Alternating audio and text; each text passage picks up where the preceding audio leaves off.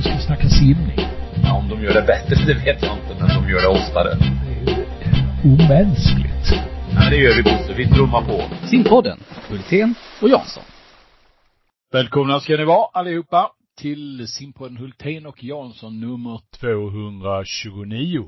Idag har vi en gäst som kommer in i programmet här om en liten stund. Eh, och det är ingen mindre än vår eh, snabbsimmande långdistansare Viktor Johansson.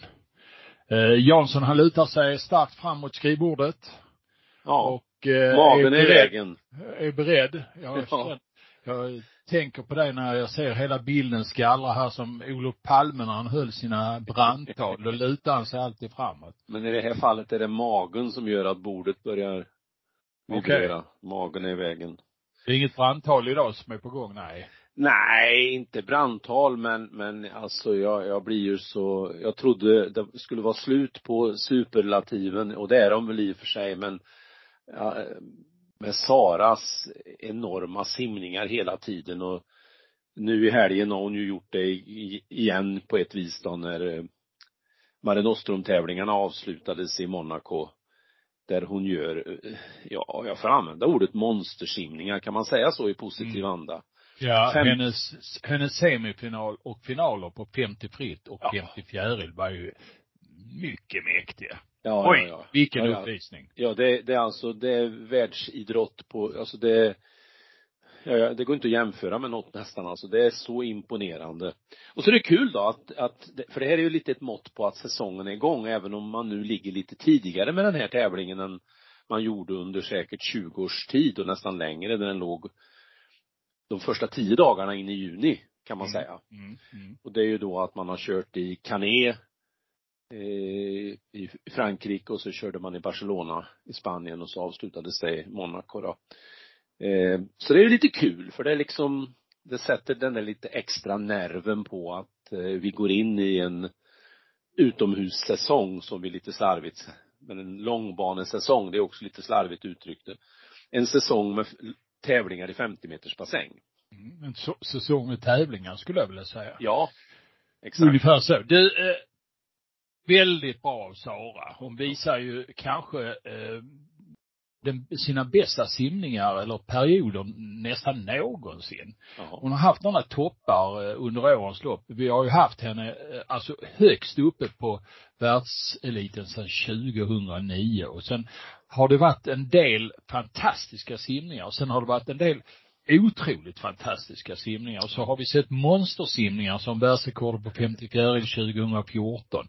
Och så har hon rensat på EM och VM och OS och allt möjligt. Men det känns som nu är hon inne i en, ska vi kalla det ett fjärde andning på något sätt. Ja, så skulle man kunna säga. Om man skulle välja ut ett år då, där hon kanske på ett vis ändå stod på, på, på topp. Därmed inte sagt att det kommer att vara hennes bästa år genom tiderna. Så är det egentligen 2017. Mm. Som ju är, var ju sagolikt på det VMet. Men sen, de här tiderna hon gör nu får man ändå backa till 2019 för att hitta motsvarighet. va. Så att eh, det är ju mycket, mycket spännande att se vad det tar vägen innan eh, sommaren är slut. Mm. Mm. Om vi tittar lite vid sidan om eh, eh, Sara då. Eh, vad hittar du ur svensk synvinkel som är, är intressant och spännande tycker du? Ja, Michel kämpar ju på, var några hundradelar över kval på 50 frisim. Alltså, och då är ju kvaltiden för att vi ska få ha två med på 50 frisim på eh, VM. Eh, Simmade okej på 100 också. Vi har sett Sara Junevik i vattnet. Eh, Men innan vi passerar Michelle. Hon har strykt ner sig några gånger här på 100 ryggsim och simmat en gång på 1,3. Eh, har hon gett upp den där ryggsimsplatsen eller? Vi vet ju inte om Nej, det tror jag ju inte för att Michelle är ju en begåvad och klok simmerska så hon inser ju att det här medleylaget är ju någonting utöver det vanliga. Och det är klart som tusan att hon vill vara med i det laget.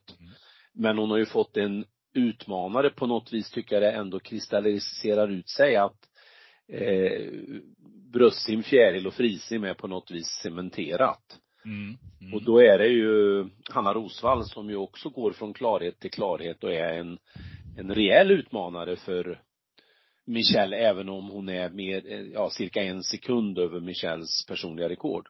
Mm. Men hon eh, står ju upp här nu och matchar eh, många av de internationellt bästa. Eh, Kira Toasan, eh, holländskan, spöar hon ju flera gånger här Mm. på hundra rygg. Mm. Till exempel. Tävlar på hög nivå, det, jag gillar ju det där när man liksom när man ska ut och göra tävlingar i internationell konkurrens, då ska man liksom man ska vara lite klar för att göra det på bra nivå. Det, det har hon ju verkligen gjort. Mm. Hanna är eh, verkligen plusfigur i, i sammanhanget. Har vi, har vi några fler som, nå, har vi gått förbi tre av tjejerna? Är det någon fler som du tycker eh, Ja men sticker ut? Sara, nej inte sticker ut kanske. Sara Junevik eh, verkar ju ganska stabil. Satte ju också pers på 100 eh, fjärilsim även om det är med, med bara några eh, hundradelar och, och det är mång, en hel del före henne i rankingen fortfarande men eh, jag tycker ändå att det ser lovande ut för henne. Mm, mm. Och simmar väldigt fort på 50 fjäril också. Hon, eh, ja som sagt var, hon är duktig. Något mer? Nej, sticker ut vet jag inte. Jag rekapitulerar mig själv och gör en snabbskanning på, på resultatsidorna här. Eh, nej, sticker ut vet jag inte utan eh, och det har ju inte varit så många svenska simmare nere som vi är vana och det kanske beror på att det ligger då lite tidigare än annars. Det fanns ju år när det var mellan 30 och 50 simmare från Sverige nere på de här tävlingarna. Mm, mm.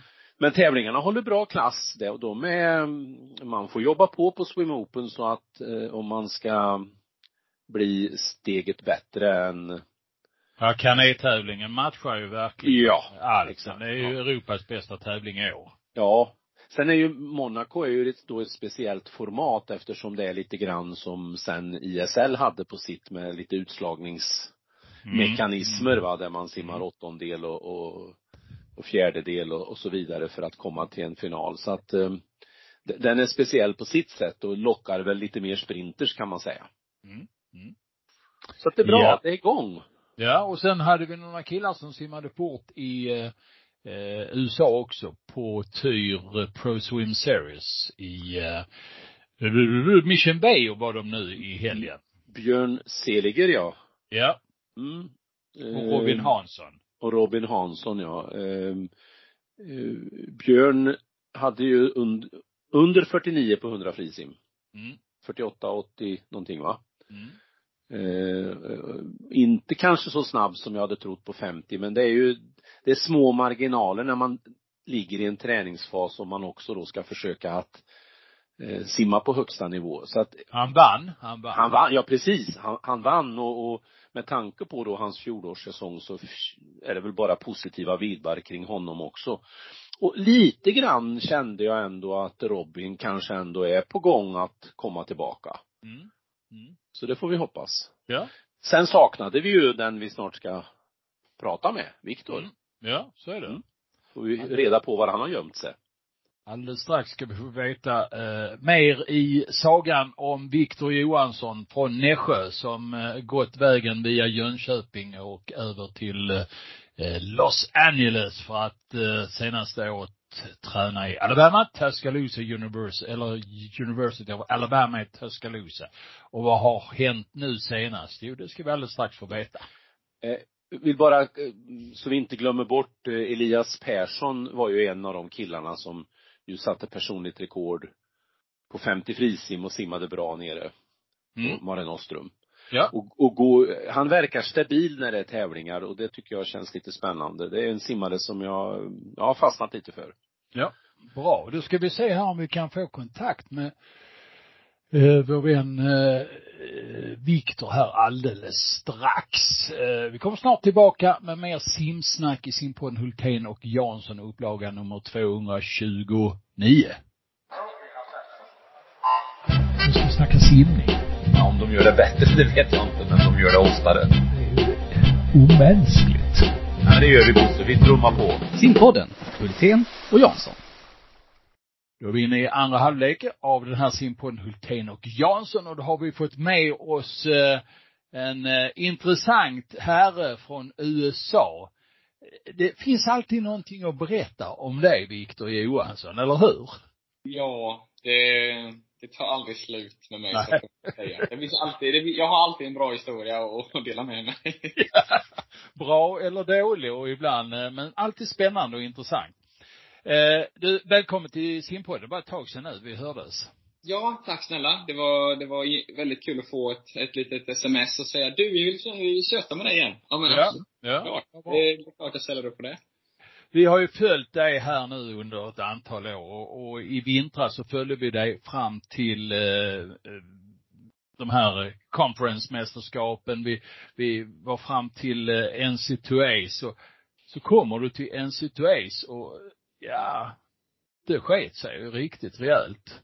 På både det ena och andra sättet skulle man väl kunna säga. Eh, berätta för våra lyssnare vad, vad som egentligen hände. Eh, mm. NCT start, startade en onsdag var det va? Ja, jag, jag kan ju spola tillbaka bandet lite ytterligare, för nu när du, när du nämnde det nu så, det fick mig att tänka på en annan sak. Som, ja, som, som jag inte tror kom ut riktigt, för att vi höll det ganska så lågt. Men mm. jag hade ju tränat hela vår, förlåt, hela hösten, sensommaren, hela hösten och vintern mot VM. För det var ju det jag skulle simma snabbt också, men jag vaknade ju då, det här var ju en annan historia som jag tänkte jag ska dela med mig. Men på samma dag som um, jag skulle simma min 1500 vilket var första dagen på mästerskapet. De hade ju gjort om schemat lite, vilket var kul, för att normalt sett så brukar 1500 oftast gå mot slutet, när man redan är helt slut. Men att få börja mästerskapet då med 1500 eh, så blev det ju inte för min del. Första dagen då mästerskapet började så vaknade jag upp med feber. Och jag knackade, jag skickade ett sms både till Kalle, Carl-Johan Goldström, min före detta tränare, och eh, Charlotte Wallin. Charlotte skriver, kom till mitt rum nu. Eh, jag berättar för henne liksom att jag mår inte bra. Jag eh, tror inte jag är i form för att tävla. Ehm, och det, det sa vi liksom direkt. Det är ett beslut. ingen tävling, vi stryker det liksom. Men med tanke på att vi var i Australien, flugit hela vägen till Australien för att tävla för, på VM, så ville hon ju testa mig för covid-19. Och eh, gjorde det. Hon körde den här pinnen åkte upp i näsan. 20 sekunder senare ner i eh, testkittet liksom. Fem sekunder tar det hela testet bara exploderade. Det blev rött. Jag var ju positiv så inne i. Så mina VM-tävlingar, det glömde jag ju, det var det jag också glömde säga. Det, eh, det blev ju ingen tävling där heller, för jag spenderade en vecka i mitt hotellrum i karantän. Mm. Um, så, ja, men det var bara lite sån där. Ja. Som parentes. Parentes. Huvudmålet ja. var ju NCAA, men jag åkte ju också till VM, men det blev ingen tävling för att jag låg med covid-19 i hotellrummet. Lite långt att åka för att bli sjuk i covid naturligtvis. Va? Ja, och um, det var lite sådär kontroversiellt fortfarande. Ska vi testa oss? Ska, inte, ska vi inte testa honom? Om han är positiv, vad gör vi? Är det karantän eller inte karantän? För ja, det är lite vad som är rätt och vad som är fel. För det var massvis med simmare som blev sjuka, men som inte testade sig. Och de var ute liksom och spred och, ja, vet man, man kan ju argumentera vad som är rätt och fel, men jag var i alla fall på mitt hotellrum i en vecka och uh, kunde inte tävla. Bra, då vet vi det. Ja. Du, sen, sen efter Australien då, VM, eh, var for du då? Till, direkt till USA igen? Direkt tillbaka till USA. Jag kände inte att eh, det var värt att åka hem till Sverige för att eh, jag hade egentligen bara en sex, sju dagar. Ehm, med då min familj som jag skulle haft i, i Sverige innan jag var tillbaka, innan jag var tvungen att rapportera tillbaks till ehm, eh, Tuscaloosa, Alabama. Och det är inte lika lätt att ta sig dit som till Los Angeles, eh, som det var tidigare med bara ett direktflyg. Um, utan det är lite sådär mm, delstopp och så vidare. Man, är, man kan ju ta sig dit, men det är inte lika simpelt. Och då kände jag också med resa att, ja det blir det kanske fem dagar med min familj och jag kommer vara jetlaggad och trött och precis haft covid nej, jag åker till USA direkt och så stannar jag där och så firar jag ju med någon annan familj. Liksom. De är alltid väldigt välkomna, eller välkomnande. Um, så flög tillbaka till USA och sen började då träningen lite, en dryg en vecka, en halv vecka senare mot uh, NCAA. Mm. Um, och i november Men vi, vi, ska, vi ska säga det också för de som inte har hängt med här riktigt att du skiftade från USC i Los Angeles eh, i eh, höstas till eh, University of Alabama i Tuscaloosa och gjorde ditt sista år. Eller ja. gör ditt sista år där helt enkelt. Ja. Ja, ja. precis. Så nu ja. är jag färdig. Men, äh, ja, jag, join, jag joinade Linus Karl, för de som äh, eh, sådär, lite, som vet om simmarna i USA. Han var på University of Alabama, så jag åkte dit och hängde på en annan svensk i ett år. Ja. Eller, Ja. ja, Landskrona-simmaren som nu har flyttat vidare till något annat ställe, läste jag någonstans. South Carolina. South Carolina. Ja. Så nu Ja. på det andra USC. I alla Ja. fall. Um, Den träningen fortsatte och innan då, någon vecka, några veckor innan VM, så hade jag visat väldigt god form på en av våra sådana här mid-season invites, bara en tävling för att kunna toppa lite då, på hösten.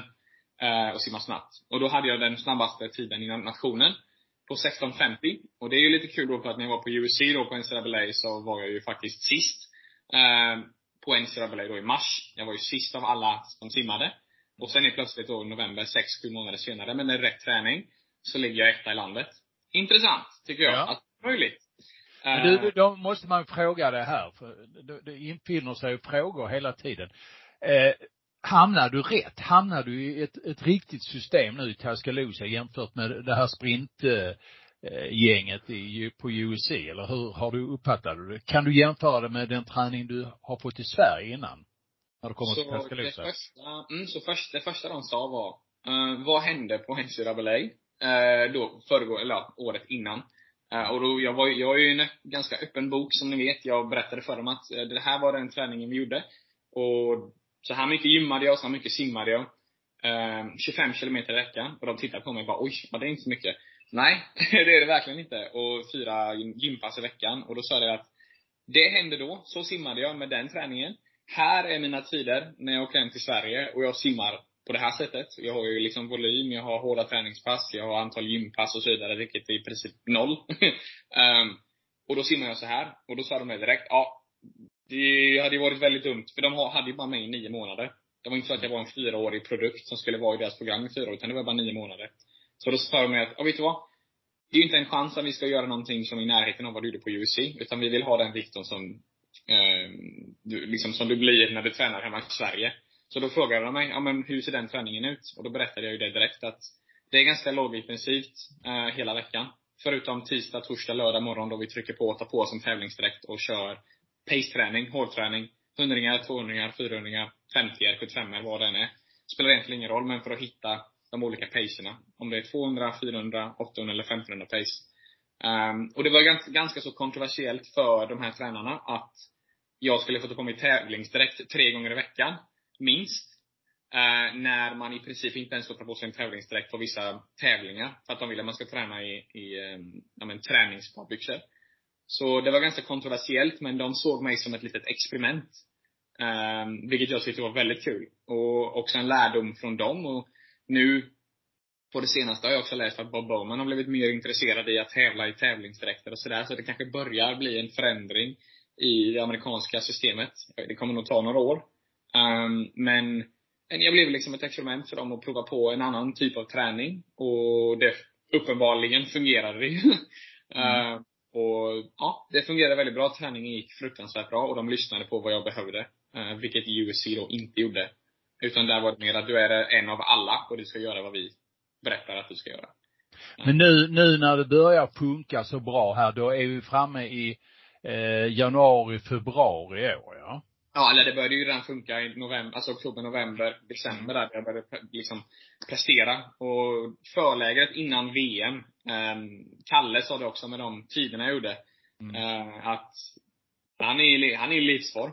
Det, han kommer stå på prispallen den här gången. Alltså det, det, det, det är liksom, ja. Det var inte någon något argument där liksom. Ehm, men sen då, så började, då, åh, just det, då låg jag ju etta som sagt. Eller hade snabbaste tiden i landet på 16.50. Så vi valde att inte vila någonting mot våran sån här conference då, SEC. SEC. Ehm, utan vi valde att lägga, vi valde att lägga all, all fokus mot NCAA. Ehm, så vi kommer dit, jättebra form, allt har gått jättebra. Och sen då, tävlingarna börjar på onsdagen och då skulle jag simma 500 och sen då hade jag 16.50 i mitt huvudfokus på lördagen. Det var bara det att måndag kväll började jag känna mig lite risig. Och sen tisdag morgon så vaknade jag upp och, och spyr. Och ja, det kommer väl, man kan väl säga det på ett lite trevligt sätt, det kommer från båda ändarna. Eh, I, I två och en halv, nästan tre dagar.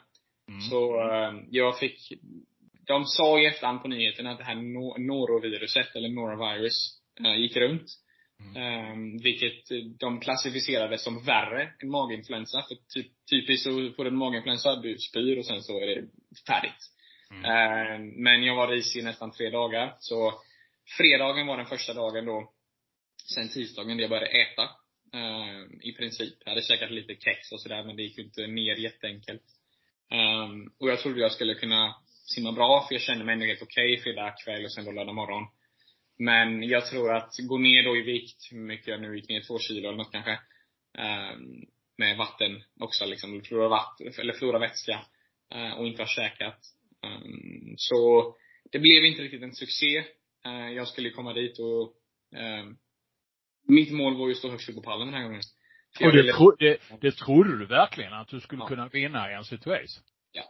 Mm. Um, den formen jag var i visade liksom i, eller den, de träningspassen jag hade gjort visade att det skulle gå riktigt, riktigt bra.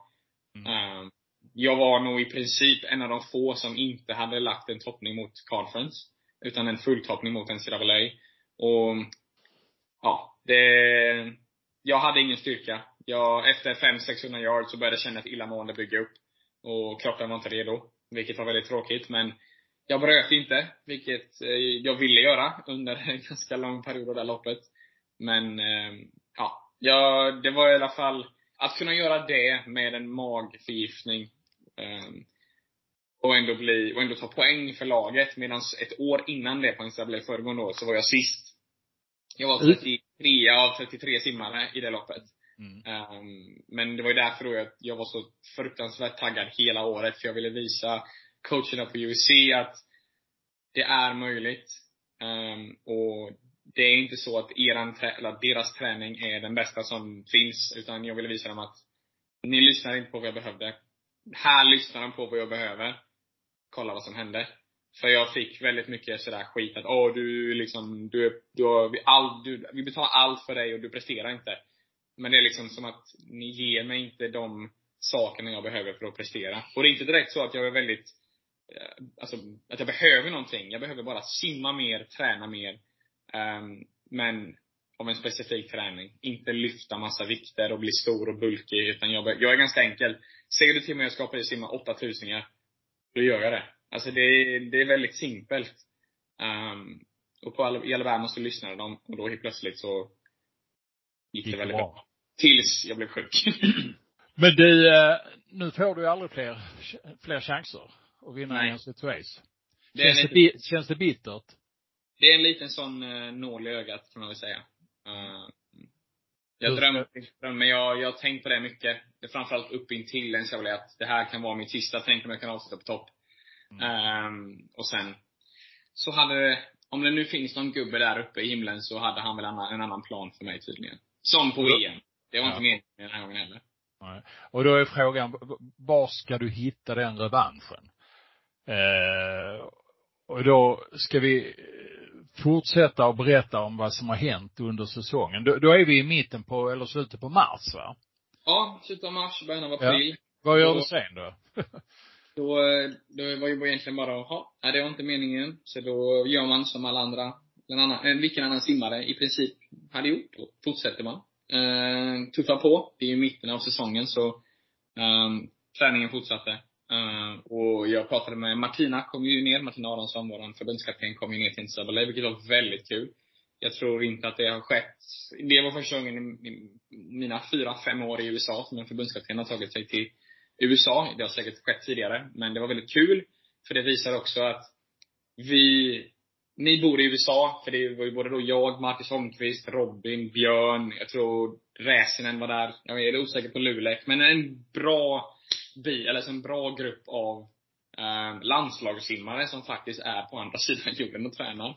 Och befinner sig dagligen. Så det var väldigt kul att få se eh, och känna att ni är fortfarande liksom med, vi bryr oss om er. Vi, liksom, vi förstår ju att inte hon kan vara i USA hela tiden med oss eller så, men det var ändå kul att hon kunde komma över och det betyder väldigt mycket.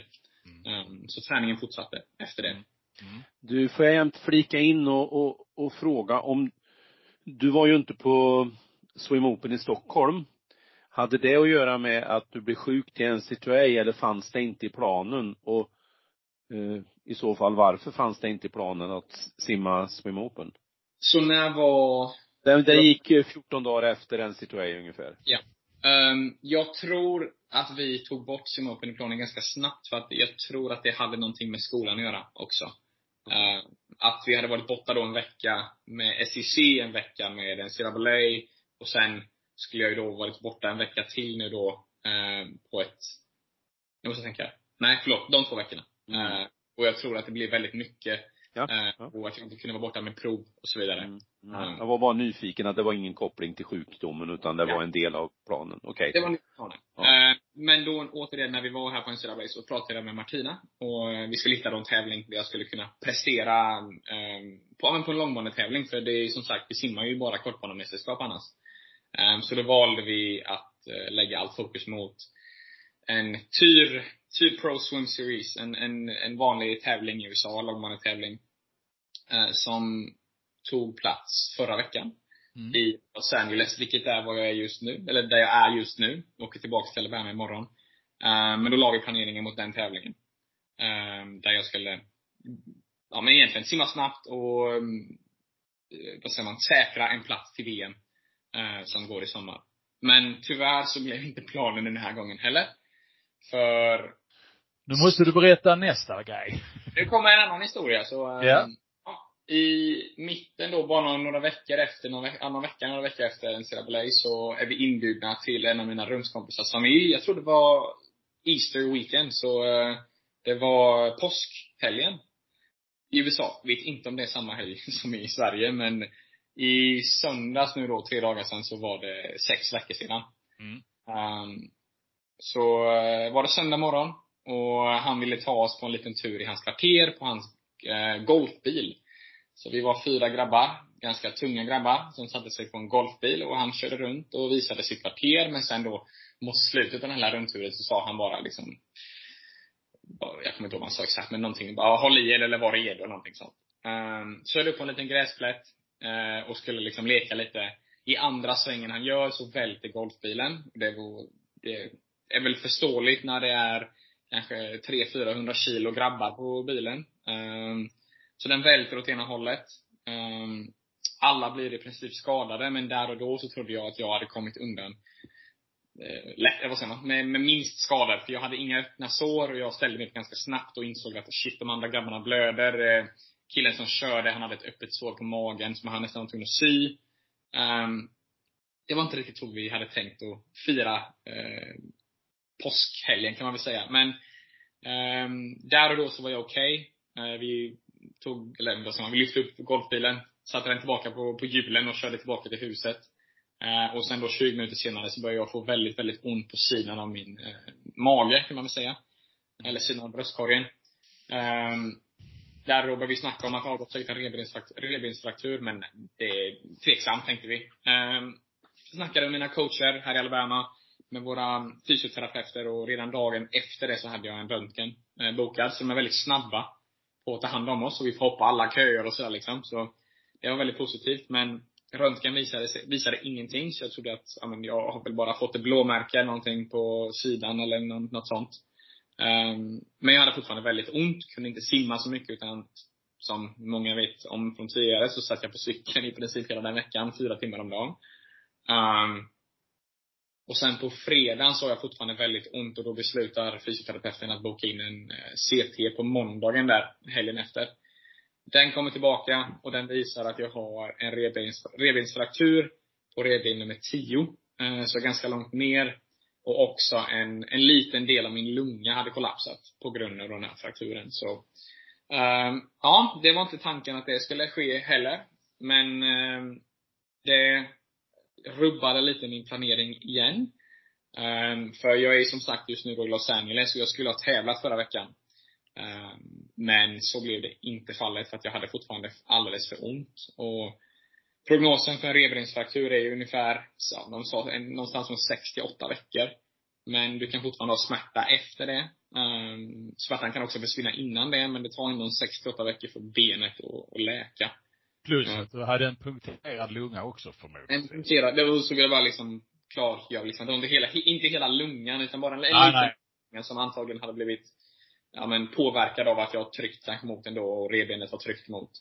Um, men då jag skulle ha tävlat förra veckan för att, ja men ska man säga, visa min form för de kommande mästerskapen den här sommaren.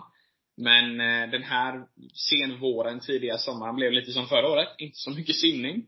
Men väldigt mycket cykel. Ja. Uh, så, uh, ja, så, så ser det ut just nu. Och nu då är jag fortfarande i Los Angeles. Jag stannar hos en kompis och sen imorgon så flyger jag hem till um, Alabama. För sen då på söndag flyga tillbaks till Sverige. För gott, kan man säga. För gott. Då är liksom det här stora, långa, fem år långa USA-äventyret över? Jajamän. Jag har mina två, eh, som man säger, degrees. Eh, mm. Och, ja, det är ett annat kapitel i den här långa boken med många, många händelser kan man väl säga. Mm. Det, är, mm. som det är alltid någonting som pågår när ni ringer. Det är alltid mm. någonting som mm. Har det, har det varit så i ditt liv innan du blev elitsimmare också, att det alltid har hänt mycket? Eller är det de här senaste fyra, fem åren nu som, för de har ju varit exceptionella måste man ju säga. Det är ju, det är ju på ett vis oerhört och blir än mer imponerad vad du har klarat av under den tiden utifrån förutsättningarna. Ja, jag skulle säga att det mesta började egentligen sam, alltså 2018, året jag åkte till USA. Det började lite tidigare eh, än när jag åkte till USA, men jag skulle säga 2018 var då det mesta började. Ja. Från eh, när min simkarriär började ta fart på nationell nivå från, ja men du vet, Sumsim och sådär 2012, 2013, NUM 2014, när det började ta fart. Um, så var det i princip ganska så lugnt. Uh, och jag menar när man bor hemma, uh, man går i skolan, allting är planerat från dag till kväll och man gör inte så mycket annat. Mm. Det finns inte så mycket annan tid till, till att göra annat. Och mm. det var ju någonting som både Kalle sa och Thomas Salenius eh, när jag åkte till USA efter bara ett år. För jag hade varit sjuk mycket och fick en skada i ryggen och då sa de bara kom hem, kom hem nu liksom. För det, då, då är du säker, du är på en trygg plats. Det händer liksom ingenting. Du kommer inte åka till någon kompis, hoppa på en golfbil och välta den. Eh, göra sådana dumma grejer liksom. Men det, det, jag, jag vill inte heller säga att det är sånt som händer, för att jag tror att jag är nog den enda det händer för. uh, men, ja, jag... Men, men låt oss tro, men låt oss tro att det, att du har passerat det värsta nu så att det blir lite lugnare framöver. Vad, vad innebär det här? Uh, har, har du fått någon VM-biljett? Uh, inte vad jag vet. Tills idag, onsdagen den 24 maj, uh, klockan, vad är klockan? Klockan eh, 20.11, så har jag inte fått något besked än. Och med alla saker som har hänt nu då, igen, det är ju återigen, det är mitt fel. Det, jag satt mig på den här golfbilen och jag blev sjuk här och där och sådär. Det är ju, vissa kan säga att det inte är ditt fel, men det är ändå mitt liv och jag måste ju vara liksom ansvarsfull och jag tar ju ansvar för allting jag varit med om och gjort. Så blir jag uttagen så är det ju väldigt, väldigt bra. Mm. Eh, väldigt positivt. Och då har jag någonting också liksom att träna för. An annars så blir det SM nu då till sommaren om några veckor. Eh, och sen så blir det väl en, en, en, en liten annorlunda sommar. Mm. Uh, Men du, om det nu blir eh, SM och VM och allt det där. Eh, och allting rullar på. För att du är ändå ung och lovande fortfarande ju. Eller hur? Alltså det, jag har hört det nu sen jag var 16 liksom, så jag började eh, gå igenom Ja men du är fortfarande ung liksom. Jag började ja, men det, det tyckte jag ju Simon Sjödin var upp till han var 32. Ung och lovande. Så du har ett tag kvar. Men ja. eh, eh, om nu alla eh, stjärnor liksom pekar åt rätt håll för Johansson här närmast tiden och eh, du inte får någon eh, golfbil i huvudet och allt möjligt sånt där. Vad händer till hösten? Till hösten så verkar det, eller det är inte jätteplanerat, men eh, vi har de flesta sakerna klara. Eh, och detta började vi planera redan då innan jag åkte till Alabama. Så det har vi planerat egentligen sedan ett år, ett och ett halvt år tillbaka. Um, för att det är ett väldigt viktigt år som kommer nu. Och på något sätt så är det väldigt tryggt för mig att det kommande året kommer spenderas i Jönköping med Nico. Um, det var Nico som fångade mig efter jag låg i respirator. Sex månader senare så blev jag tia på OS. Mm. Många kanske frågar sig, hur gick det till? Ja, det undrar jag med. Mm. Um, men jag känner mig väldigt trygg med honom. Han påminner mig väldigt mycket om mig själv. när det kommer till den här, en, du vet, eller vad säger man, energiska Ja men jag är 24 år gammal, men jag kan, jag, när jag inte behöver vara seriös så kan jag också bete mig som en femåring liksom. Det, det är lite av den här eh, dynamiken kan man säga som han och jag har, att vi är väldigt barnsliga ihop. Men när det väl gäller att eh, vi ska vara seriösa så kan vi vara oerhört seriösa. Jag tror inte jag har träffat någon som är så intresserad och så ja, men, smart när det kommer till simning. Eh, han verkligen är ja, besatt, kan man väl säga. Mm. Med, med detaljer, med frekvenser, med tempo, ja, men liksom, med frekvenser med din, mitt, alltså hur långt jag kommer på varje antag. Och han vill ha vändningar in och ut och han vill ha allt detta. När jag, som exempel då, när jag gjorde alla de här testserierna varje tisdag, torsdag, lördag morgon. Så var det alltid jag och Nico one on one. Det var bara han och jag. Det var liksom, jag hade allt hans fokus på mig för att de andra hade bara då ett lågintensivt pass. Så vi planerade liksom att jag skulle kunna ha honom tisdag, torsdag, lördag morgon bara för mig själv. Och då är det liksom A4-papper med tider, splittar, um, in och utvändningar, tempo, tryck, alltså allt. Um, för att han, han är liksom en nu vill jag ju inte att det här ska låta negativt, men liksom en, en, en nörd när det kommer till de här liksom, detaljerna och de här tiderna. Och för mig så är det perfekt, för jag vill ju hitta liksom, saker som jag kan jobba och bli bättre på. Själv fortfarande, som sagt, jag är ju ung, 24 år gammal, eh, och vill bli bättre på de här sakerna. Han, ja, och har mycket han, utvecklade vändningar och, ja, ja, du vet. Ja. ja, alltså nörd, han är ju inte bara besatt eller nörd, han är ju oerhört begåvad och en en av de, eh, vad ska vi säga, nästintill mest begåvade simtränarna vi har. Han håller ju verkligen måttet. Men du, eh, det är väl självklart att du ska simma VM. Vad, vad är det som, eh, varför skulle du inte få, alltså har vi, har vi så gott om uh, fina, vad heter det nu, ädelstenar i vårt simlandslag att vi kan avstå en? Eller hur, ja, Alltså jag blir lite nyfiken där om vi har ett så fyrkantigt system att man inte kan eller är det någon kvaltid som inte är gjord att det är för sent? Men Nej, tiden på SM förra året måste väl ändå vara den som gör att du får ställa upp på till exempel 1500? Mm, och jag, jag, jag tror nu då att, jag tror att både då, eh, nu vet jag inte hur snabbt, jag kommer inte ihåg på EM, på, jag, det EM i förra sommaren var lite sådär, eh, också lite mm. halvdant. Eh, vi tror ju att det blir lite för hård träning. Vi var så mm. taggade efter SM och vi körde ner mig lite för hårt i, i, i gropen kan man väl säga. Um, när jag pratade med Nico sen då och analyserade vad vi, hade, vad vi hade gjort. Men jag vet inte om den tiden från EM på 800 var tillräckligt snabb för fina A-kvaltid. Men i alla Nej. fall så har jag ju A-tiderna på egentligen samtliga distanser. 4, 8 och 5. Och, och, och B-tid räcker ju om det är bara du som ska simma 800.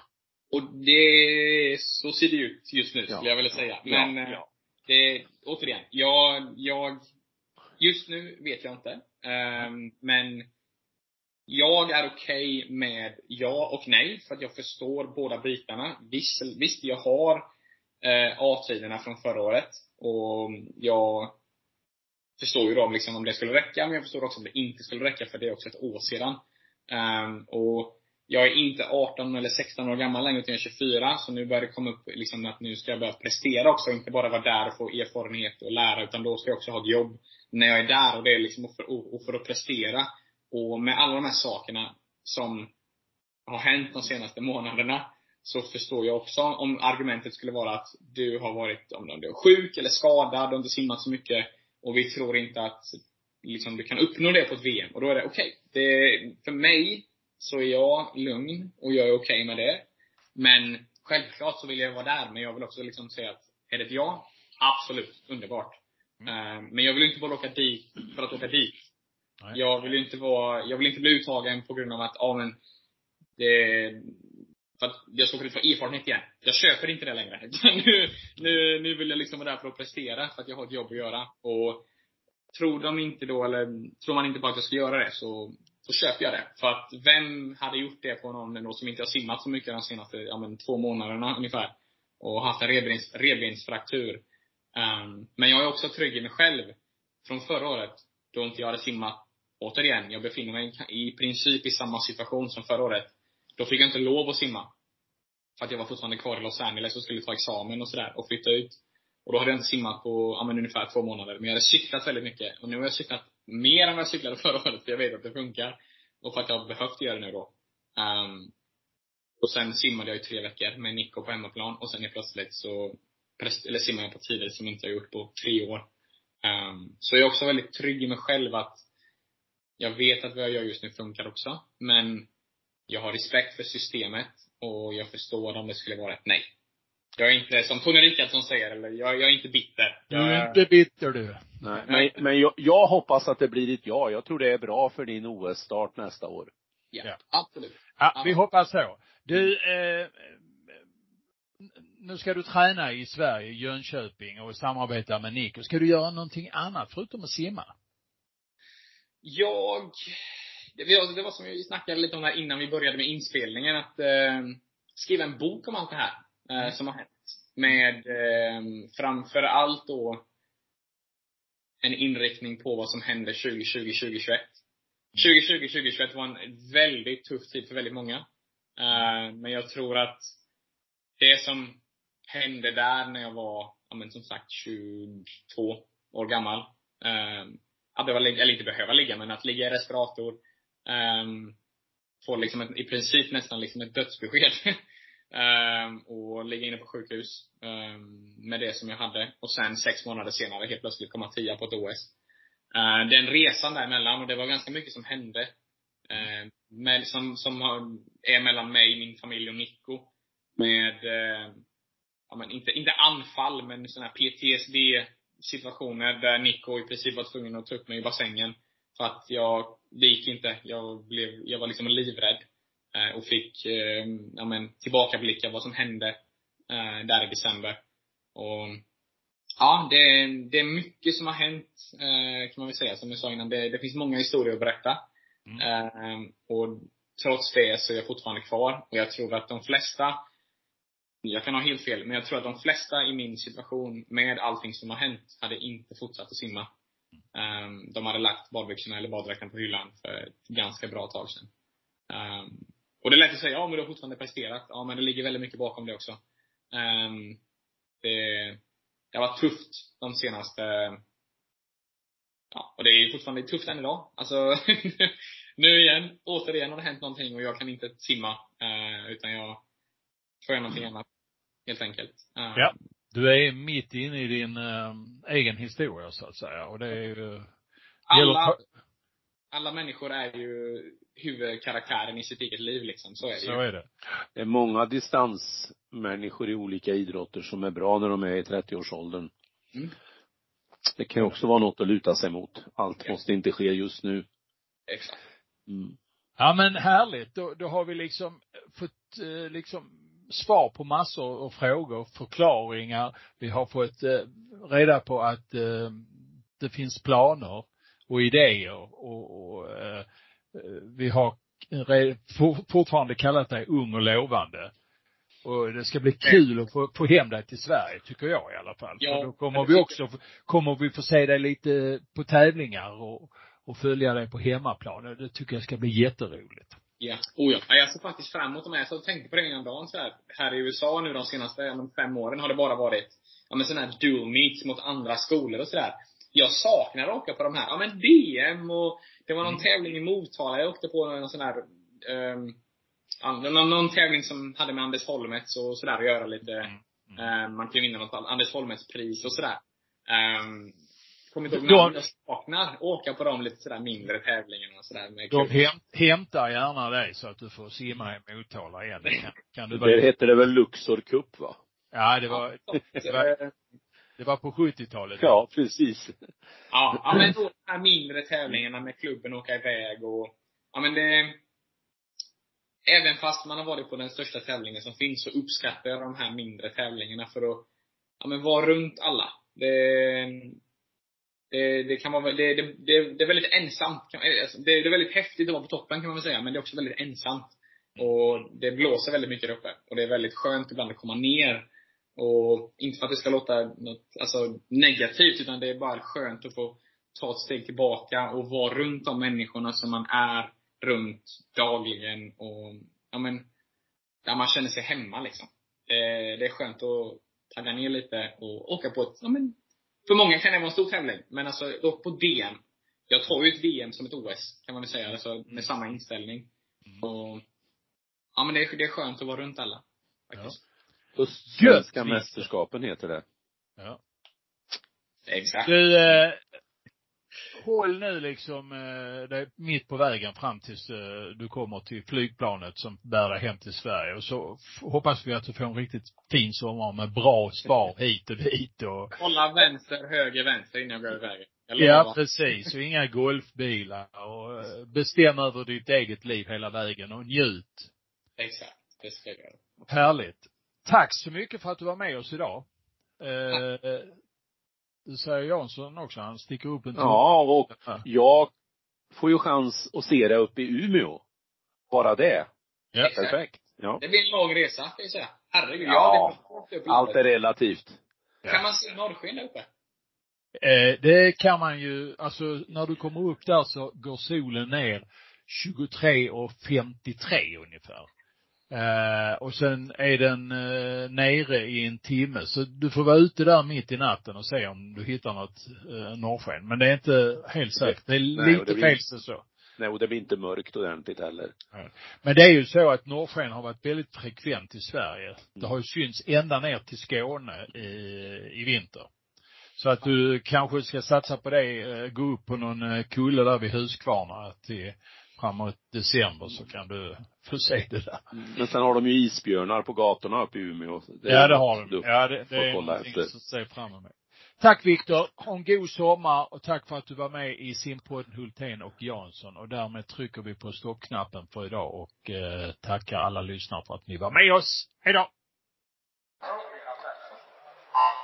Nu ska vi snacka simning. Ja, om de gör det bättre, det vet jag inte, men de gör det oftare. Det är ju omänskligt. Ja, men det gör vi Bosse. Vi trummar på. Simpodden, Hultén och Jansson.